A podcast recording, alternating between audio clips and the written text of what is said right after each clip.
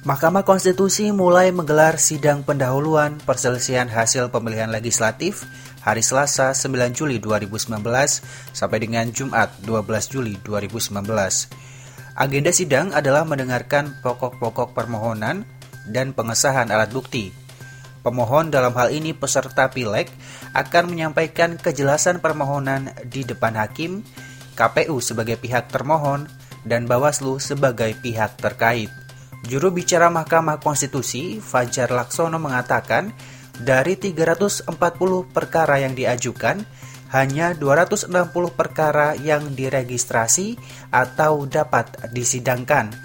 Terdiri dari 250 perkara pemilihan DPR RI, DPRD Provinsi, dan DPRD Kabupaten Kota, serta 10 perkara sengketa pemilihan DPD. Sejauh ini MK sudah melakukan registrasi terhadap uh, permohonan para pemohon dari 340 yang diajukan ke Mahkamah Konstitusi ada 260 perkara yang kemudian diregistrasi. Uh, tanggal 9 Juli Mahkamah Konstitusi akan memulai sidang pendahuluan. Di sidang pendahuluan itu nanti akan dilaksanakan dalam uh, majelis hakim panel yang terdiri atas tiga hakim konstitusi. Pada hari pertama, Mahkamah Konstitusi menyidangkan sengketa dari lima provinsi, yaitu Aceh, Jawa Barat, Jawa Timur, Maluku Utara, dan Papua. Ditemui di sela-sela sidang, Komisioner KPU Hashim Asyari menjelaskan, jika di total, pada hari pertama KPU harus mendengarkan permohonan 64 perkara PHPU pemilihan legislatif yang berasal dari 16 partai politik nasional, empat partai daerah Aceh, dan satu perorangan. Hashim menambahkan tuntutan yang diajukan beragam, mulai dari rekapitulasi ulang, perhitungan suara ulang, sampai dengan permohonan pemungutan suara ulang. Kalau kita eh, apa namanya identifikasi hari ini di panel 1 yang meliputi Jawa Timur dan Aceh ada 23 perkara. Kemudian untuk di panel 2 yang meliputi satu provinsi saja yaitu Papua ada 20 perkara yang saya katakan tadi satu provinsi tapi paling banyak yaitu Papua perkaranya. Kemudian panel 3 meliputi Jawa Barat dan Maluku Utara ada 21 perkara. Jadi total untuk hari ini eh, KPU menghadapi persidangan sebagai pihak termohon menghadapi 64 perkara. Seperti tahun-tahun sebelumnya, sengketa tidak hanya terjadi antar partai politik yang berkontestasi. Beberapa perkara yang ditangani justru mengadili sengketa antar caleg dari partai yang sama.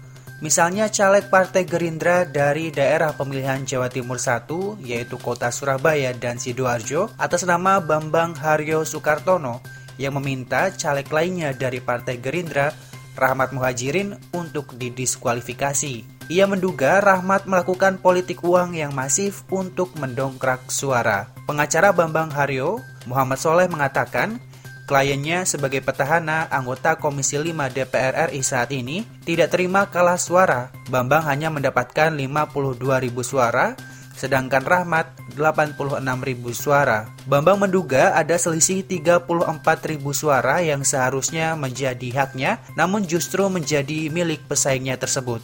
Nah, ketika terjadi suara yang fantastis, maka kita pelajari. Ternyata di sini ada dugaan menggunakan politik uang yang sangat masif. Makanya kita gugat di MK ini supaya MK tidak hanya menyidangkan soal selisih suara.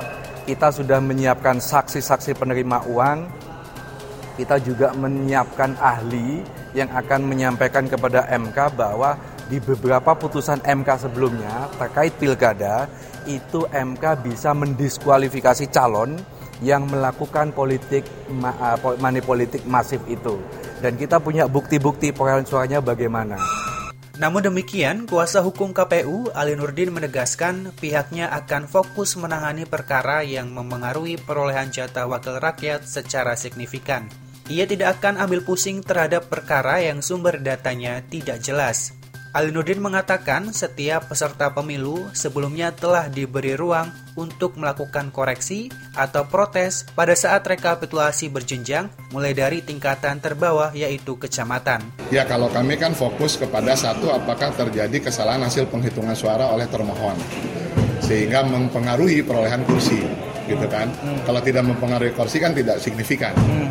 Misalnya selisihnya 1000 tapi yang dipersoalkan hanya 100 kan tidak signifikan. Hmm. Yang kedua, apakah dalam proses tersebut ada hal-hal lain yang mempengaruhi perolehan kursi? Hmm.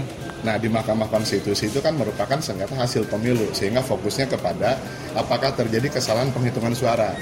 Karena sering kali gugatan itu berangkat dari sumber data yang tidak jelas. Setelah tahapan sidang pendahuluan, Mahkamah Konstitusi selanjutnya akan melakukan sidang pemeriksaan dengan agenda mendengarkan keterangan pihak pemohon, termohon, pihak terkait, saksi dan juga ahli, serta pemeriksaan barang bukti pada tanggal 15 sampai dengan 19 Juli 2019. Sementara pembacaan putusan akan dilakukan pada tanggal 6 sampai dengan 9 Juli 2019. Satrio Adi Wicaksono melaporkan.